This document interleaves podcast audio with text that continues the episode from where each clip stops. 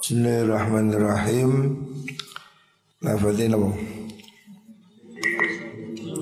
Laisa Laisa min abdin Ala Rasulullah sallallahu alaihi wasallam Laisa min abdin yaqulu la illallah mi'ata marrah illa wa yaumal qiyamati al-qamari lailatul badri. Laisa ora ana sapa min abdin kawula yaqulu kang ngucap la ilaha kalimat la ilaha illallah. Tidak seorang pun hamba yang mengucapkan La ilaha illallah. Mi'ata marotin kelawan satu ambalan. Siapa orang mengucapkan zikir La ilaha illallah seratus kalinya?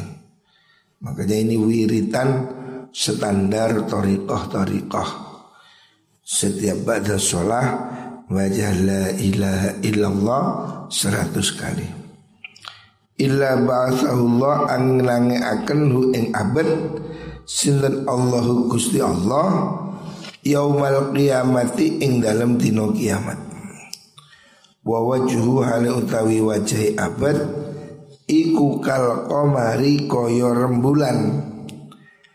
Lailatul Badri ing dalem wengine purnama bulan purnama Walam yurfa lian ora den angkat. Di ahadin ketui wong suici Yauma idin ing dalam tino kiamat. Apa amalun amal afdalu kang luwih utama min amali saking amale abad? Ilaman angin wong kola kang ucapaken sopeman Misra qawlihi ing padane ucapane abad Auzada utawa nambahi sopo man. Rasulullah Shallallahu Alaihi Wasallam menganjurkan kita memperbanyak ucapan La ilaha illallah. Seratus kali dosisnya Pada sholat. Ini standar wiritan yang diamalkan oleh torikoh-torikoh itu. Kalau kita mampu baca itu La ilaha illallah seratus kali Siapa orang wiritannya la ilaha illallah seratus kali Maka dia akan dibangkitkan oleh Allah pada hari kiamat. Wajahnya bercahaya seperti bulan purnama. Dan tidak ada pahala yang lebih besar dari itu. Ini menunjukkan keutamaan zikir. Semua orang hendaknya berusaha memperbanyak zikir ini. Afdhalul zikri la ilaha illallah. Ini semakin banyak, semakin bagus. Rawahul Baihaqi an Abi Darda. Selanjutnya Rasulullah Shallallahu Alaihi Wasallam mengatakan laisa minna man latomal khudud Laisa ora ana iku minna sanging golongan kita sapa man wong latoma kang napuk-napuk sapa man al hududa ing piro-piro pipi. Orang yang ngamuk-ngamuk. Dalam artian ini duka cita yang berlebihan. Latumul hudud itu. Wasyakal juyub wa syaqalan nyuwek-nyuwek sapa wong al juyuba ing pira-pira kantong. Maksudnya ya pakaiannya dirobek. Orang yang melakukan duka cita dengan cara kalap wangis dirinya ditapui bajunya dirobek-robek ya. Itu bukan ajaran Islam tidak boleh orang melakukan duka cita, mengekspresikan kesedihan dengan cara yang tidak wajar. Kalau zaman dahulu ya seperti itu.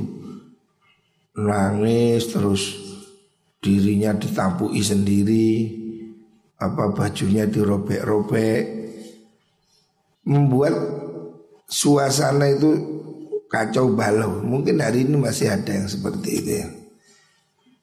Jadi berduka itu wajar, boleh. Orang ditinggal mati sedih, ya. Tetapi tidak boleh berlebihan sampai merobek-robek baju, memukul-mukuli diri ya. Seakan-akan tidak ridho dengan takdirnya Gusti Allah. Ya kita sedih wajar ditinggal mati kak sedih sopo. Tetapi jangan mengekspresikan kesedihan itu dengan cara jahiliyah. Itu cara jahiliyah. Wa ta'ala ndunga sapa wong utawa bengok-bengok wal jahiliyah kelawan pengundangi atau pengucape wong kang jahiliyah. Jadi sambat-sambat aduh apa me, meratapi kematian dengan cara yang berlebihan. Kalau kita ya yang diajarkan oleh Rasulullah Shallallahu Alaihi Wasallam berduka itu ya memperbanyak zikir, mendoakan, bukan dengan cara ekspresi yang apa itu berlebihan. Jangan mengekspresikan kesedihan dengan cara yang apa tidak tidak sopan, marah-marah, uh, apa bengok-bengok. Ya.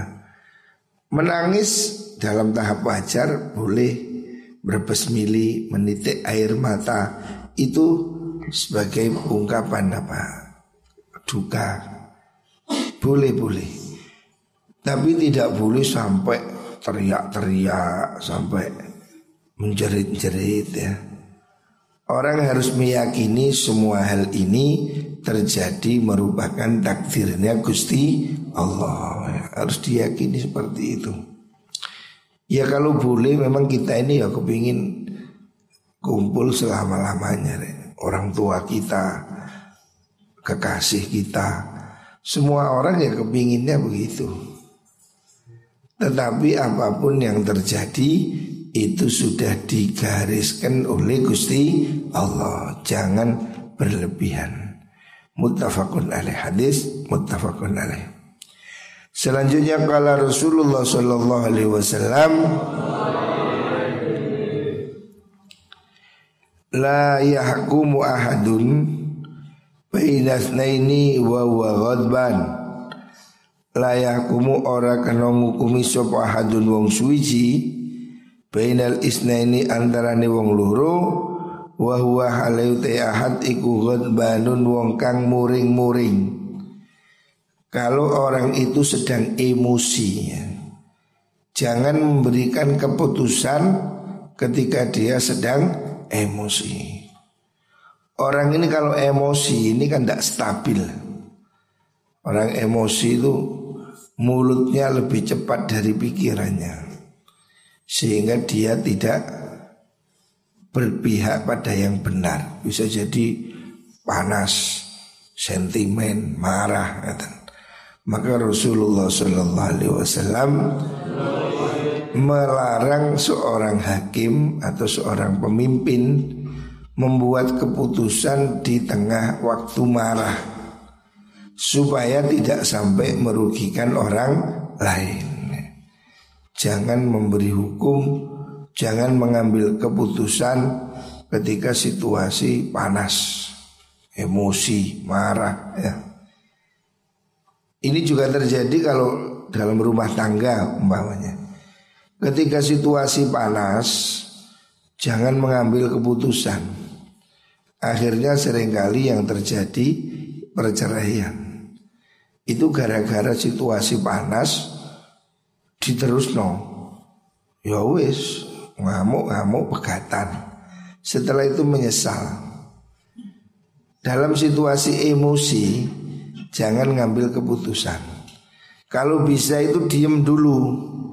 Jadi kalau istrimu marah-marah, kon menengok. Atau kamu marah, istrinya harus diam. Masing-masing harus ada yang bisa menahan diri. Karena kalau emosi lawan emosi, yuk gelut, piring pecah, TV dibanting, Wah, ini kan orang kesetanan. Orang emosi ini kan kesetanan.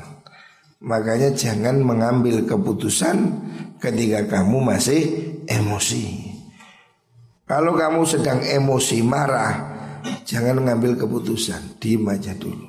Tahan dulu ya. Keputusan yang dilakukan saat emosi itu tidak seimbang ya. Lebih banyak dasar kebenciannya. Ini yang membuat banyak orang rumah tangga kacau, perceraian. Ya ini karena emosi dituruti. Sebaiknya kalau kamu mau emosi diem aja dulu, diem, udhu, diem. Sak ngamuk-ngamuk eh, sak marah-marahnya. Cobalah diam sejenak supaya kamu tidak membuat keputusan yang salah. Sebab kalau kamu mengambil keputusan dengan emosi, maka kamu akan menyesal. Ya. Bahkan orang emosi ini kadang bertindak bodoh, bertindak konyol, tidak rasional. Hentikan kalau kamu mau marah, diem dulu. Rawahul jamaah.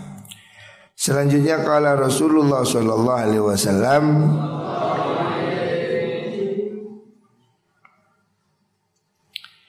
Laisa min amali yaumin Laisa ora ono iku min amali yaumin Saking amale suci dino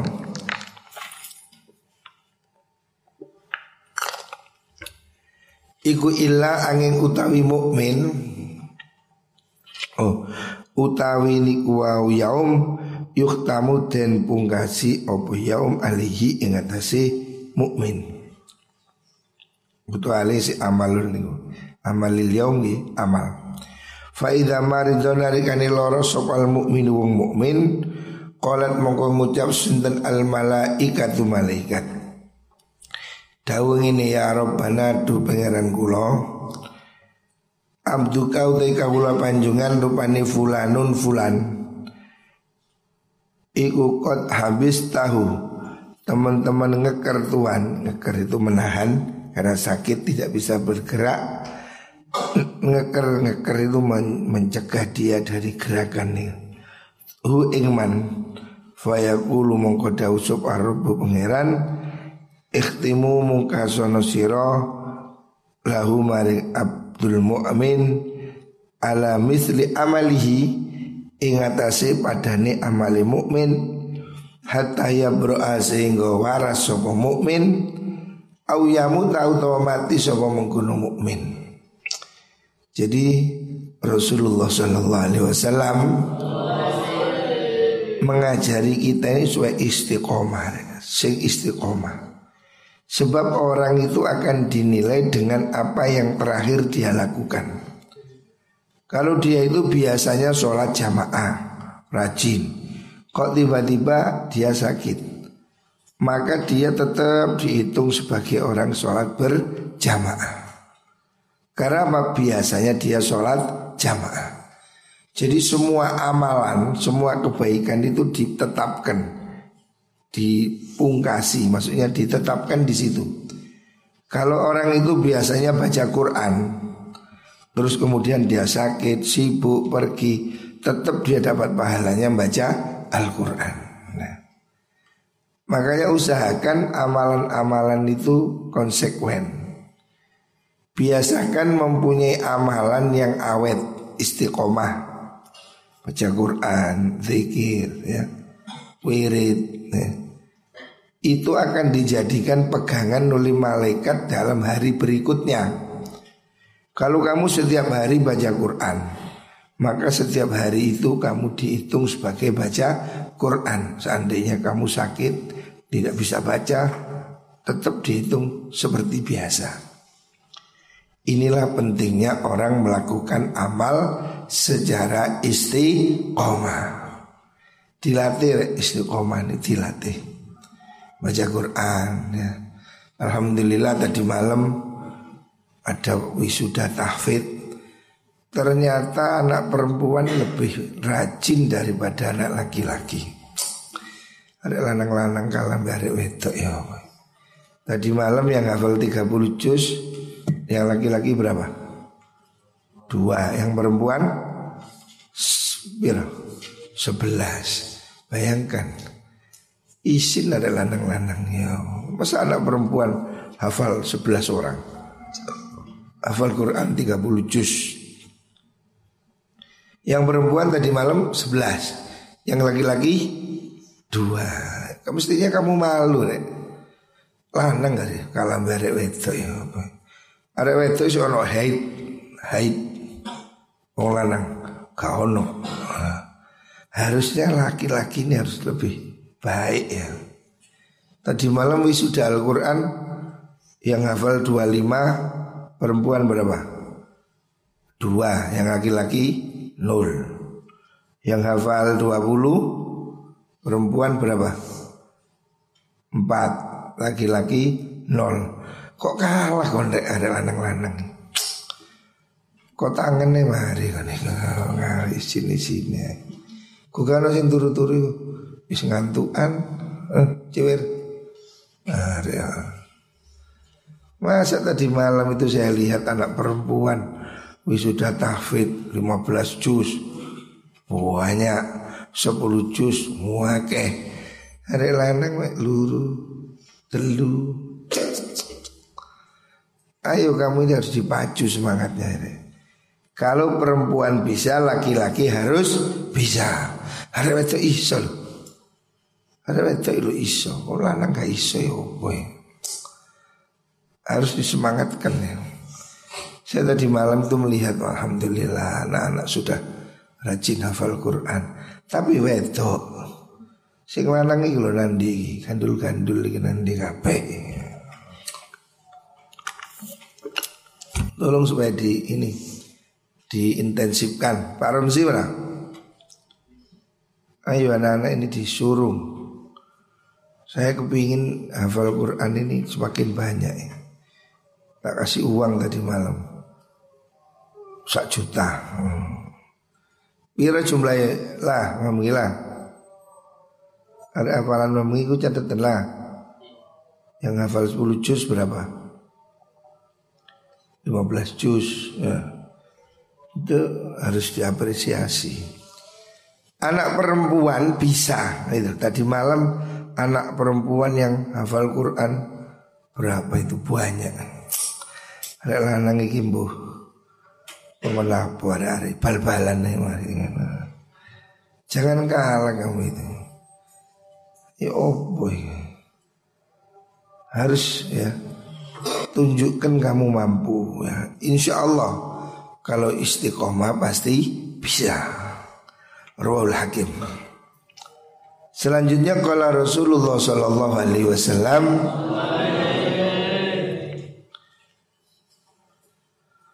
Laisa min amali yaumin. Laisa ora ono min amali yaumin Sangking amali Oh wis ya.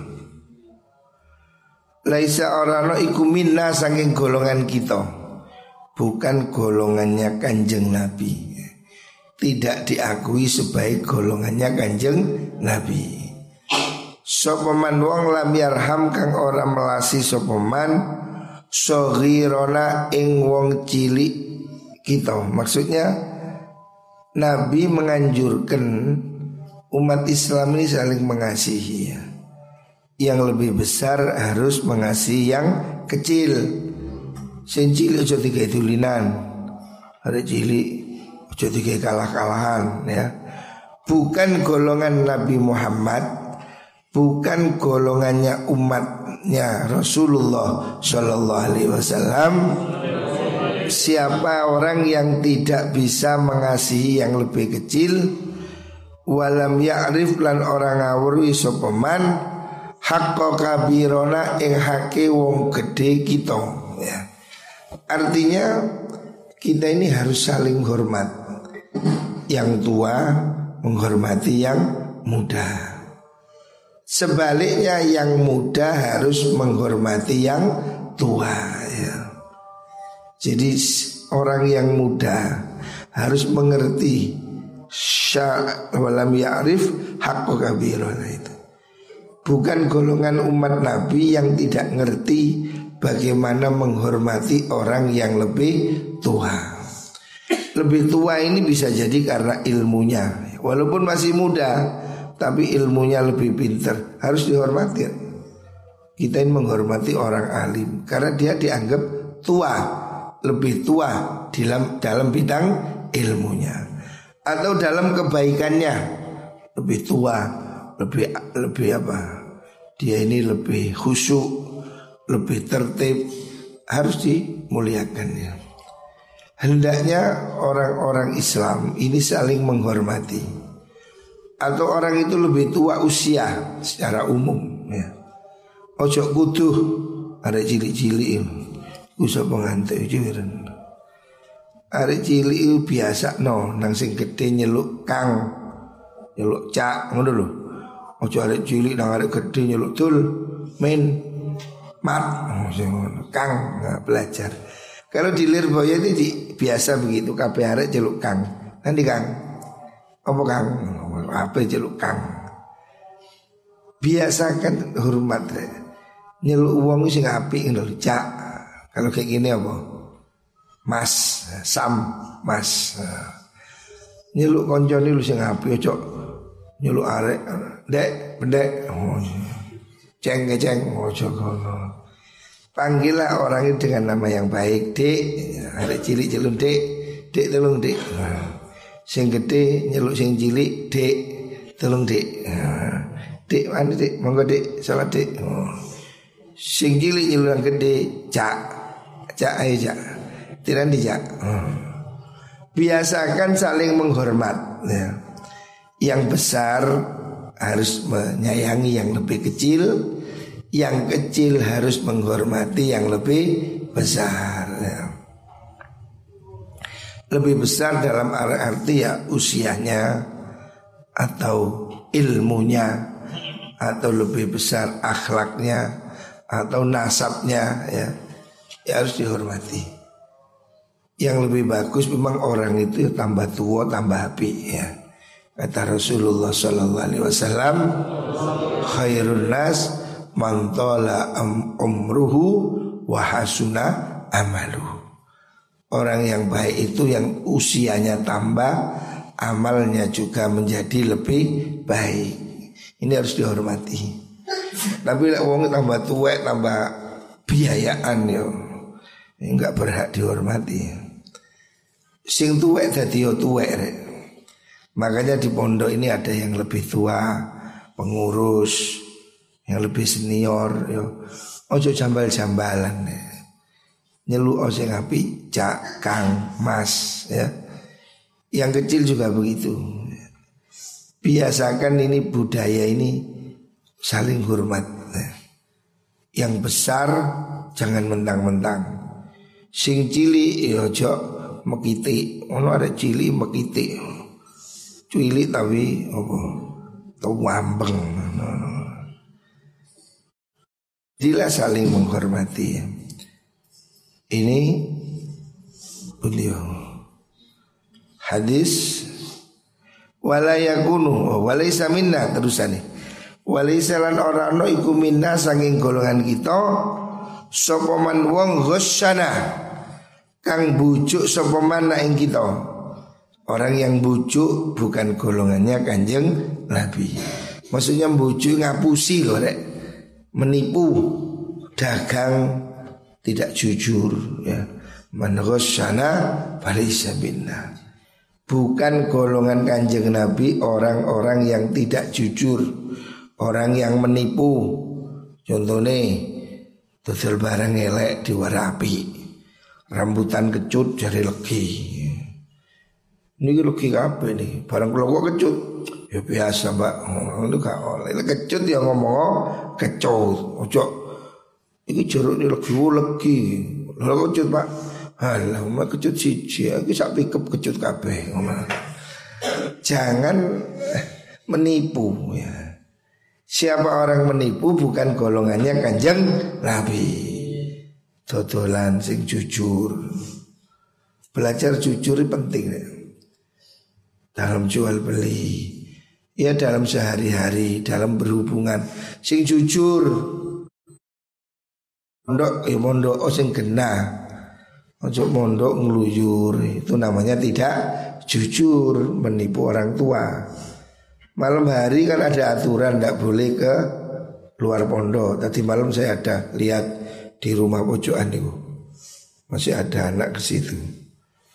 Itu harus dihukum itu tidak boleh. Bungi-bungi gue nang rumah pojokan itu awas. Tak gundul. Perhatikan itu balik balik.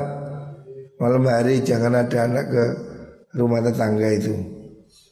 Gundulan tuman nih. Malam misalnya ngono. Nanti malam saya lihat ada itu. Di situ, di rumah pojok itu. Itu apa maunya kamu di situ itu? Kamu harus jaga ya. Ini pondok. Jangan kamu malam ngeluyur.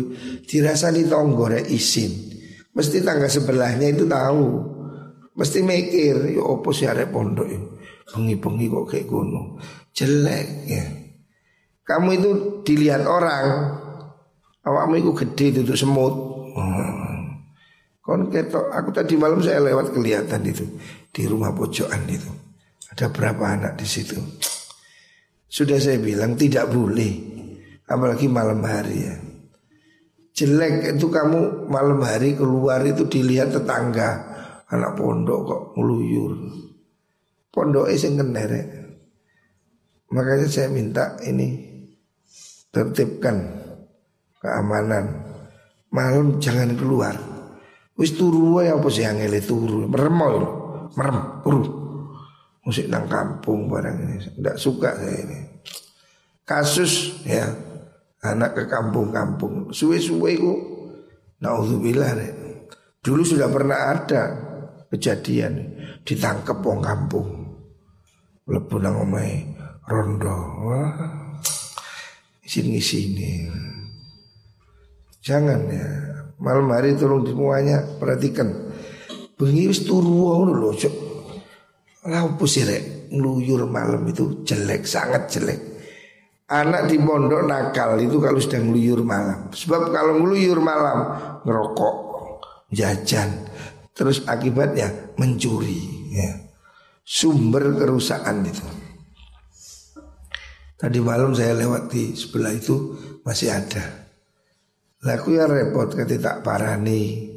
Ya gak enak betongko Gak tak parani kondi kula gunung Jadi ini harus diperhatikan Tidak boleh pergi ke tetangga-tetangga Saya ini sedang memikirkan asrama ini mau tak pindah ke dekat masjid sana. Jika nanti di bengi tak gembok ini mari. Ini sedih saya ini kalau malam hari kamu ngeluyur. Is akibatnya sudah banyak nih. Anak yang gagal mondok gak iso ngaji Problemnya yaitu malam hari ngeluyur Lewis bengi ngeluyur akhirnya ngantuk ini Cewir ngaji ngantuk ini uh, Ciwir. Kok ngaji ngantuk, sekolah ngantuk ya. Ya ini yang menyebabkan kegagalan ini. Tidak boleh malam harus tidur ya. Penyebab anak gagal mondok itu malam tidak tidur Pagi tidur, gak sekolah Wah itu bahaya Harus dicegah ya Walayakun lan ora ana sopal mukmin wong mukmin iku mukminan dadi wong mukmin temenan hatta yuhibba sehingga demen sapa mukmin. Lil mukminina marang wong mukmin kang liya kabeh pada mukmin yang lain. Ma ing perkara yuhibbu kang demen sapa mukmin li nafsihi maring awak dhewe ne mukmin. Indikator iman yang sempurna menurut Rasulullah sallallahu alaihi wasallam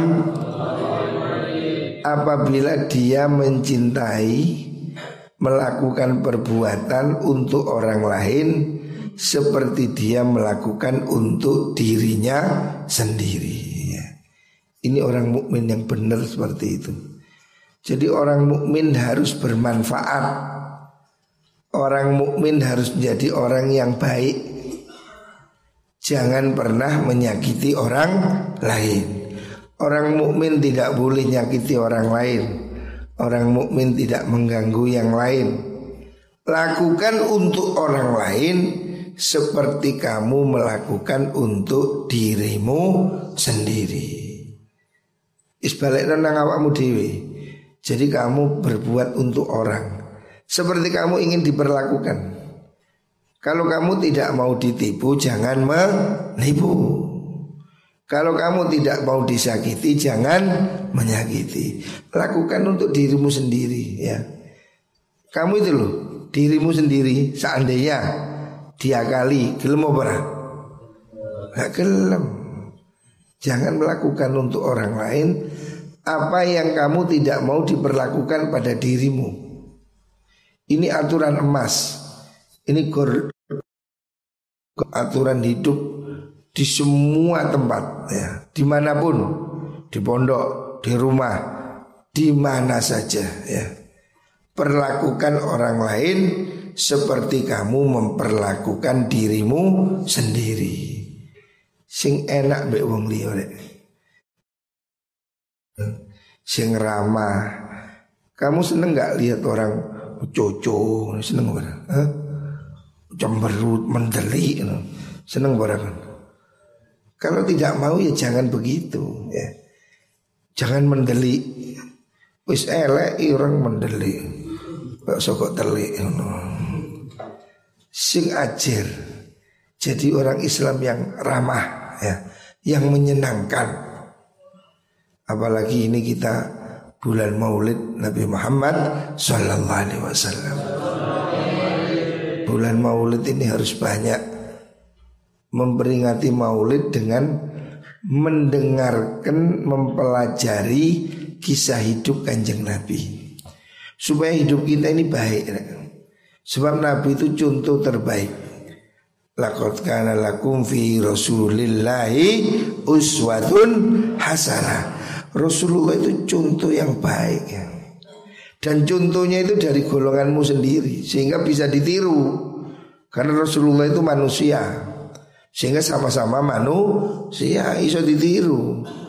Kalau Nabi Muhammad itu Superman, oh repot niru nih. Oh dia Superman. Nah, tapi Nabi itu manusia. Laqad ja'akum rasulum min amfusikum.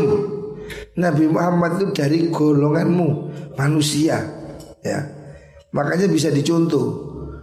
Kalau seandainya itu malaikat, nggak bisa dicontoh deh. Malaikat gak doyan duit. Malaikat gak arep engkung. Malaikat gak arep. Sulit dicontoh sulit. Ya apa? Tapi karena Nabi ini manusia seperti kita, ya makan, ya tidur, ya punya istri, ya maka bisa ditiru. Gimana sih Nabi memperlakukan istri? Oh, lihat tiba maulid semua itu menceritakan Nabinya pada rumah tangga gimana. Nabi waktu kecil, Nabi berdagang, Nabi berperang, Nabi dalam apa pun ya. Sebagai pemimpin, sebagai kepala rumah tangga, sebagai imam sholat, semuanya ada contoh Makanya Allah mengatakan lakut kana lakum fi rasulillahi uswatun hasanah. Nabi ini contoh yang sempurna sudah. Nggak ada contoh melebihi kanjeng Nabi. Ayo belajar. Maulid itu cuma joget-joget dong. Joget. Kau niku tindang dutan tau maulid solawatan itu joget-joget Sing sopan deh. Kadang wong tak delok selawatan niku wis ngalang-alai slang. Bendera. Lah opo ya semangat ya boleh lah tapi jangan berlebihan ya. Adabnya harus dijaga. Karena sholawat itu bagian dari doa. Wong sono wong donga mbek joget-joget. Iya lek diskotik kok mencak-mencak. Jaga adab, baca sholawat yang baik ya. Ojo joget-jogetan. Ya boleh lah. Orang itu gembira boleh. Tapi ekspresinya itu ojo dipadak nombek karaoke ngono ya, sopan. Dan yang kedua isinya maulid itu ya harus dibaca itu ya sejarah itu. Supaya hidup kita ini baik ya. Hidup kita ini niru kanjeng Nabi. Jadi orang mukmin yang baik ya. Muka-muka kita semua dapat syafaat Rasulullah Sallallahu Alaihi Wasallam.